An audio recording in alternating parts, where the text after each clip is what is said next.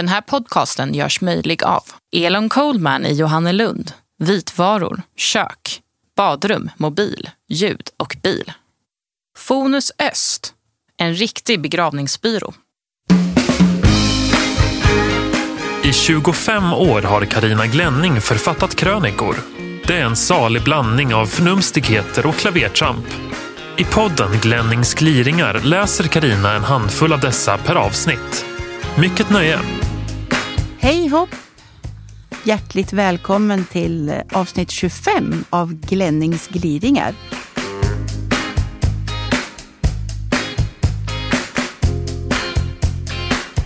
Dags för undantagstillstånd. Hallå! Kan någon vara snäll att komma hit och lyfta undan den här förbaskade filten? Den här tunga, gråa och småfuktiga yllefilten som har lagt sig över mig. Är du snäll och ta bort blytyngderna ur mina skor också? Benen har blivit så tunga. Och vräk bort det här massiva oket från mina axlar. Jag är faktiskt ingen oxe. Spraya lite färg på mitt skinn när du ändå är i farten. Livet under filten blir inte roligare av att se ut som ett torskblock. Kom hit och tala om för min kropp att jag inte alls är en igelkott eller brunbjörn som borde gå i ide så här års, utan en vanlig stackars människa som förväntas jobba på och vara kreativ och alert, precis som vanligt. Trots att det är november. Ja, ja, jag vet att det är så himla mysigt att kura ihop sig i soffan och tända ljus och dricka te. Ah, hur tusan får man mat på bordet, värmeelementen och pengar till huslånet om man sitter och glor in i värmeljus hela dagarna? Föräldramötena står som spön i backen och det ska pysslas och bakas och göras marmelad till den stora julmarknaden på skolan. På jobbet har vi möten där briljanta, kreativa idéer ska flöda inför kommande bilagesatsningar. Hjälp! Hur ska jag kunna vara pysslig och nyskapande när jag nätt och jämt tar mig ur bingen? Ute kan man inte vara. Det är som att kliva omkring i kall havregrynsgröt. Jag ser knappt handen framför mig. Paraplyet vänder sig så att jag plötsligt går med ett durkslag ovanför skallen istället för ett regnskydd. Du Per Holmgren på SMHI, hur kan det regna rakt från sidan? Vem sitter där uppe och småjävlas och dirigerar regnet horisontellt in i örat på mig? Och kommer någon och säger att det finns inget dåligt väder, bara dåliga kläder, så levererar jag en rak, blixtsnabb höger. Så mycket energi har jag åtminstone kvar. Jag vill proklamera undantagstillstånd för månaden november. Jobb och pliktundantag. Efter en kort sommar och en fantastisk svamphöst behöver vi nordbor få dra oss tillbaka och odla vår depression i fred.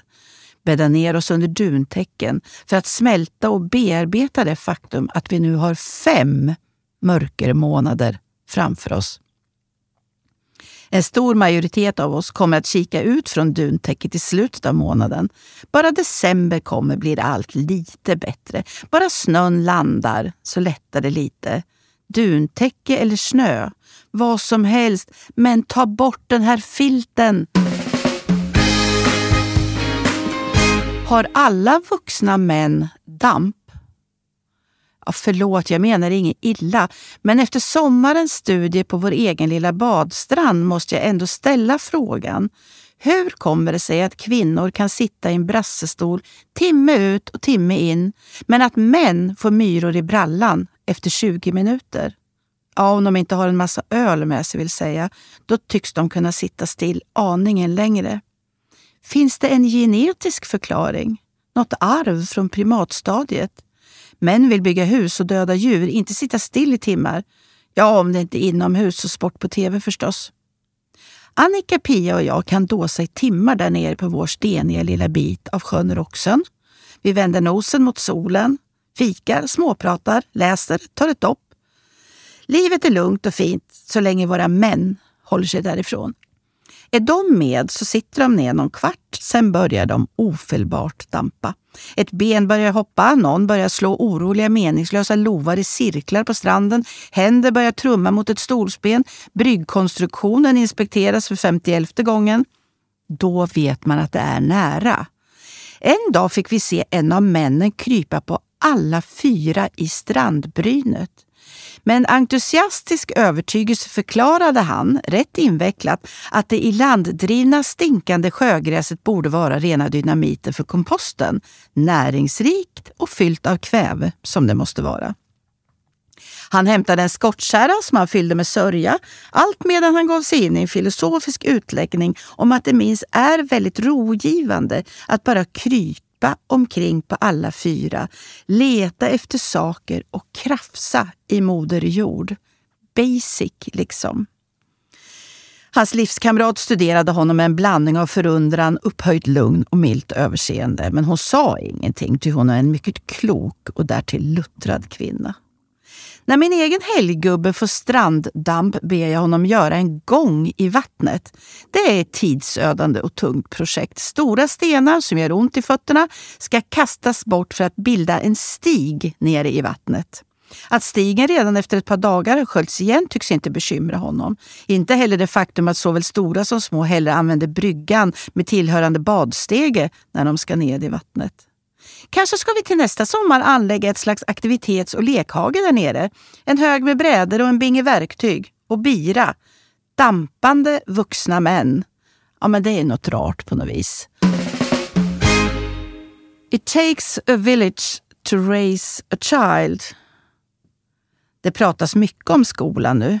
Ungar som konsekvent ratar all skolmat, mössa inomhus, brist på respekt för vuxna och för varandra, Chattrande i mobiltelefoner under lektionstid, mobbing och ropen skallar från föräldrahåll. Någon måste ställas till svars. Men om våra ungar inte fått med sig åtminstone en smula hyfs hemifrån, hur ska då skolan kunna råda bot på allting? Ibland undrar jag hur en enda normalt funtad människa vågar jobba med andras barn. Risken, om man tar tag i armen på en oregelig unge, är ju att bli polisanmäld för misshandel. Där jag växte upp på 1960-talet var ansvaret spritt. Jag minns när grannfarbrorn Marti skällde ut mig så att min helugg blev till mittbena. Och när en annan granne, Brigitte, högg tag i min arm så att det kändes rejält. Jag berättade aldrig hemma, inte för att jag ville skydda de vuxna grannarna utan för att jag skämdes över att jag varit dum. Den vuxen som befann sig närmast den unge tröstade om knät blödde, utfodrade om magen kurrade och agerade uppfostrare om stunden så krävde. Tänk dig en dylik uppläxning idag, 2007. Huga, lynchade bara förnamnet. Att drista sig till något sånt skulle uppfattas som en attack mot hela personens föräldraskap. Verkligt minerad mark. Det finns en intressant paradox här. Å ena sidan ska du sköta dina egna ungar och skita i andras. Å andra sidan är det alltid någon annan som ska ställas till svars när din unge ballar ur. Jag tror på lärare som har täta, raka och ärliga kontakter med föräldrarna. Hur ska jag annars veta hur mitt barn beter sig när jag inte är i närheten?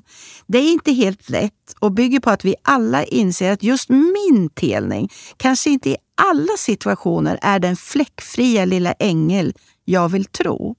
Inse att det kanske inte alltid är alla andra barn som är dumma och mitt eget som är ett oskyldigt litet offer.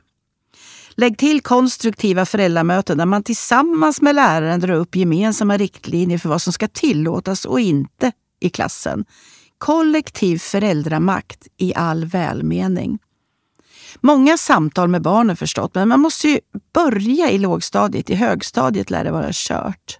Jag är till och med så rigid att jag tycker det vore toppen med klassriktlinjer för veckopengstorlek och kollektiv bannlysning av vissa tv-program. Då slapp man höra “Men mamma, alla andra får ju” och så fler vuxna i skolan. Särskilt på rasterna. Det verkar vara då de riktigt ruggiga sakerna händer.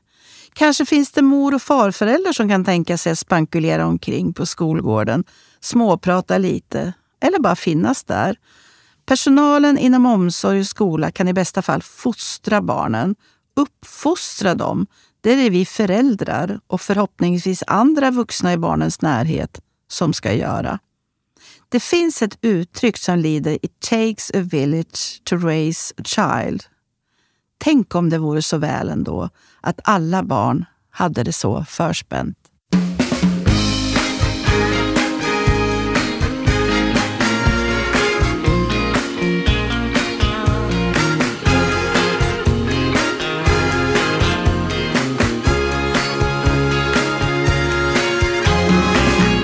Naturen in på bara rumpan. Nej! Kommer du dragande med lång nu igen? Korta har jag ju sagt. Korta? Under hela gårdagen tog jag hem korta. Vad blir det här för kåk egentligen? Men sluta tjata och låt mig sköta det här. Jag har alltid varit den som ser till att grundkonstruktionen håller. Se till att få hem lite mjuka grejer nu. Men håll ihop benen gumman. Än finns inte plats för några småttingar. Bah! Lätt för dig att säga. Hur hade det varit om du börjat bygga i tid för en gångs skull? Eller också pratar fåglarna om något helt annat tidigt på morgonen. Hur sjutton ska jag kunna veta det? Hur som helst är de oense. Det hörs på det uppskruvade tonläget. Framåt lunch försonar de och vid kvällstid är det rena turturstämningen. Jag har så härliga naturupplevelser på toaletten nu för tiden. Naturen in på husknuten har man hört talas om. Jag har naturen in på bara rumpan via ventilationen till murstocken. Att kajor är väldigt sociala fåglar, det känner de flesta till. I horder samlas de i skymningen för att kura ihop sig och småchattra tillsammans inför natten. Vad som inte är lika känt är att vissa få exemplar av dem är läskunniga också. Den 7 december skrev jag att jag tyckte uppriktigt synd om Linköpings kajer som tvingas uthärda de förinspelade och fågelavskräckande ångestskriken som uppsatta högtalare dånar ut över stadens torg. Ett par av de läskunniga kajparen uppfattade det här och fattade ett för mig och dem avgörande beslut. Jag vet, vi lämnar stan och flyttar hem till Karina Glänning istället. Hur många gånger som helst har jag tjatat på den höjdrädda helggubben att han ska bege sig upp på taket och sätta nät för skorstenen så att de inte kan bygga sina bon där. Till slut gjorde han det, men kajerna måste ha varit starka eller helggubben väldigt slarvig för nu bygger de sitt bo i min skorsten lik förbannat. I vilken av de sex skorstenspiporna byggs det? Ja, det tycks vara en av de som inte används, den som står i förbindelse med ventilationen i badrummet, för det är där inne man hör dem bäst. Men jag vågar inte chansa och vågar inte elda någonstans i kåken förrän kajfamiljen bestämt sig för att flytta. Jag är faktiskt djurvän och vill definitivt inte ha rök och eldskadade kajägg på mitt redan solkiga samvete. Nu är jag inte säker på vad de bygger längre. Kanske bygger de, håller de på att inreda en tonårslya när de ändå är i farten. För häromdagen, när jag stod i köket och stekte kyckling, hördes deras pladder plötsligt väldigt bra via köksfläkten. Som om de satt bara någon meter ovanför stekpannan och förfärat kommenterade menyvalet. Spooky! Och kycklingen till middag? Nej, den smakade inte riktigt som den brukar. Mitt hem är inte alls min borg. Jag behöver en fastboende kar med lite stak i som kan vakta mitt hus när jag är borta. De två jag har nu är hopplösa och inte ett smack att hålla i tassen när det blåser eller ens fläktar lite. Jag är i full färd med att återta mitt hem. Under mina fem dagar i Budapest har min kåk förvandlats till allmän fritidsgård med driver av gratis käk, en ständigt öppen svängdörr och många insuttna sköna fåtöljer att vila ut i. Vissa av mina oinbjudna gäster har praktiserat bring your own-konceptet. Kanske för att de, det råkade regna just den dagen de nedlade en gnagare. Varför käka på uteservering när hela Glänningshus är ledigt? Som tack brukar de lämna kvar en liten inälv till husets ägarinna. Hyggligt. Det har sina fördelar med kattluckan men också rejäla nackdelar. Mina katter tar sig obehindrat ut och in som de vill, liksom traktens okastrerade hankatter när jag är borta några dagar. Och visst har det sina fördelar med kastrerade hannar. De håller sig till exempel hemma i soffan istället för att vara ute och ränna. Men också sina avigsidor. De är supermesiga, mina två sambograbbar. Den yngsta, Sören, gillar visserligen att pinkmarkera revir i trädgården och alltid på helgubbens bil. Men att sen också försvara sitt fort, nej, så långt sträcker sig inte hans sturskhet. Och min gabbelgubbe, Astor, kommer inspringande och gömmer sig under soffan i överhallen så fort någon av traktens katter kommer på visit, darrande av skräck. När okastrerade machokillar kliver in förvandlas mina egna kissar till jamsiga plyschpojkar som kunnat besätta framträdande roller i 70-talsfilmen tillsammans. Av pälslämningarna på två platser i huset att döma har minst två främmande katter hyrt in sig under min semester. En långhårig brungrå typ och en korthårig svart.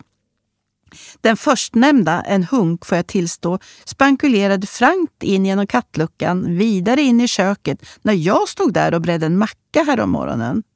Under ganska många sekunder möttes våra blickar. Han såg inte det minsta rädd ut utan uppvisade en min som tydligt sa Och vad i herrans namn gör du här? När jag skällde på honom lomade han saktfärdigt mot kattluckan. Då tog jag i lite mer varpå han krängde sig ut och i sakta mak travade bort några meter från huset. Där stannade han, satte sig ned och blängde på mig över axeln. Sluta hetsa upp dig gumman, jag går väl in och käkar när du har dragit till jobbet då. Nej, nu jäklar tänkte jag och sprang ut i strumplästen ivrigt gastande och schasande och nu masade han sig faktiskt iväg från tomten. Nu står en hink vatten redo här hemma. Katter är inga korkade djur och vatten är ett språk de förstår alldeles utmärkt. Så kom igen då, tuffing!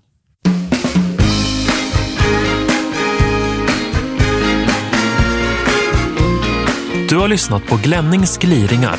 Ansvarig utgivare, Christer Kustvik.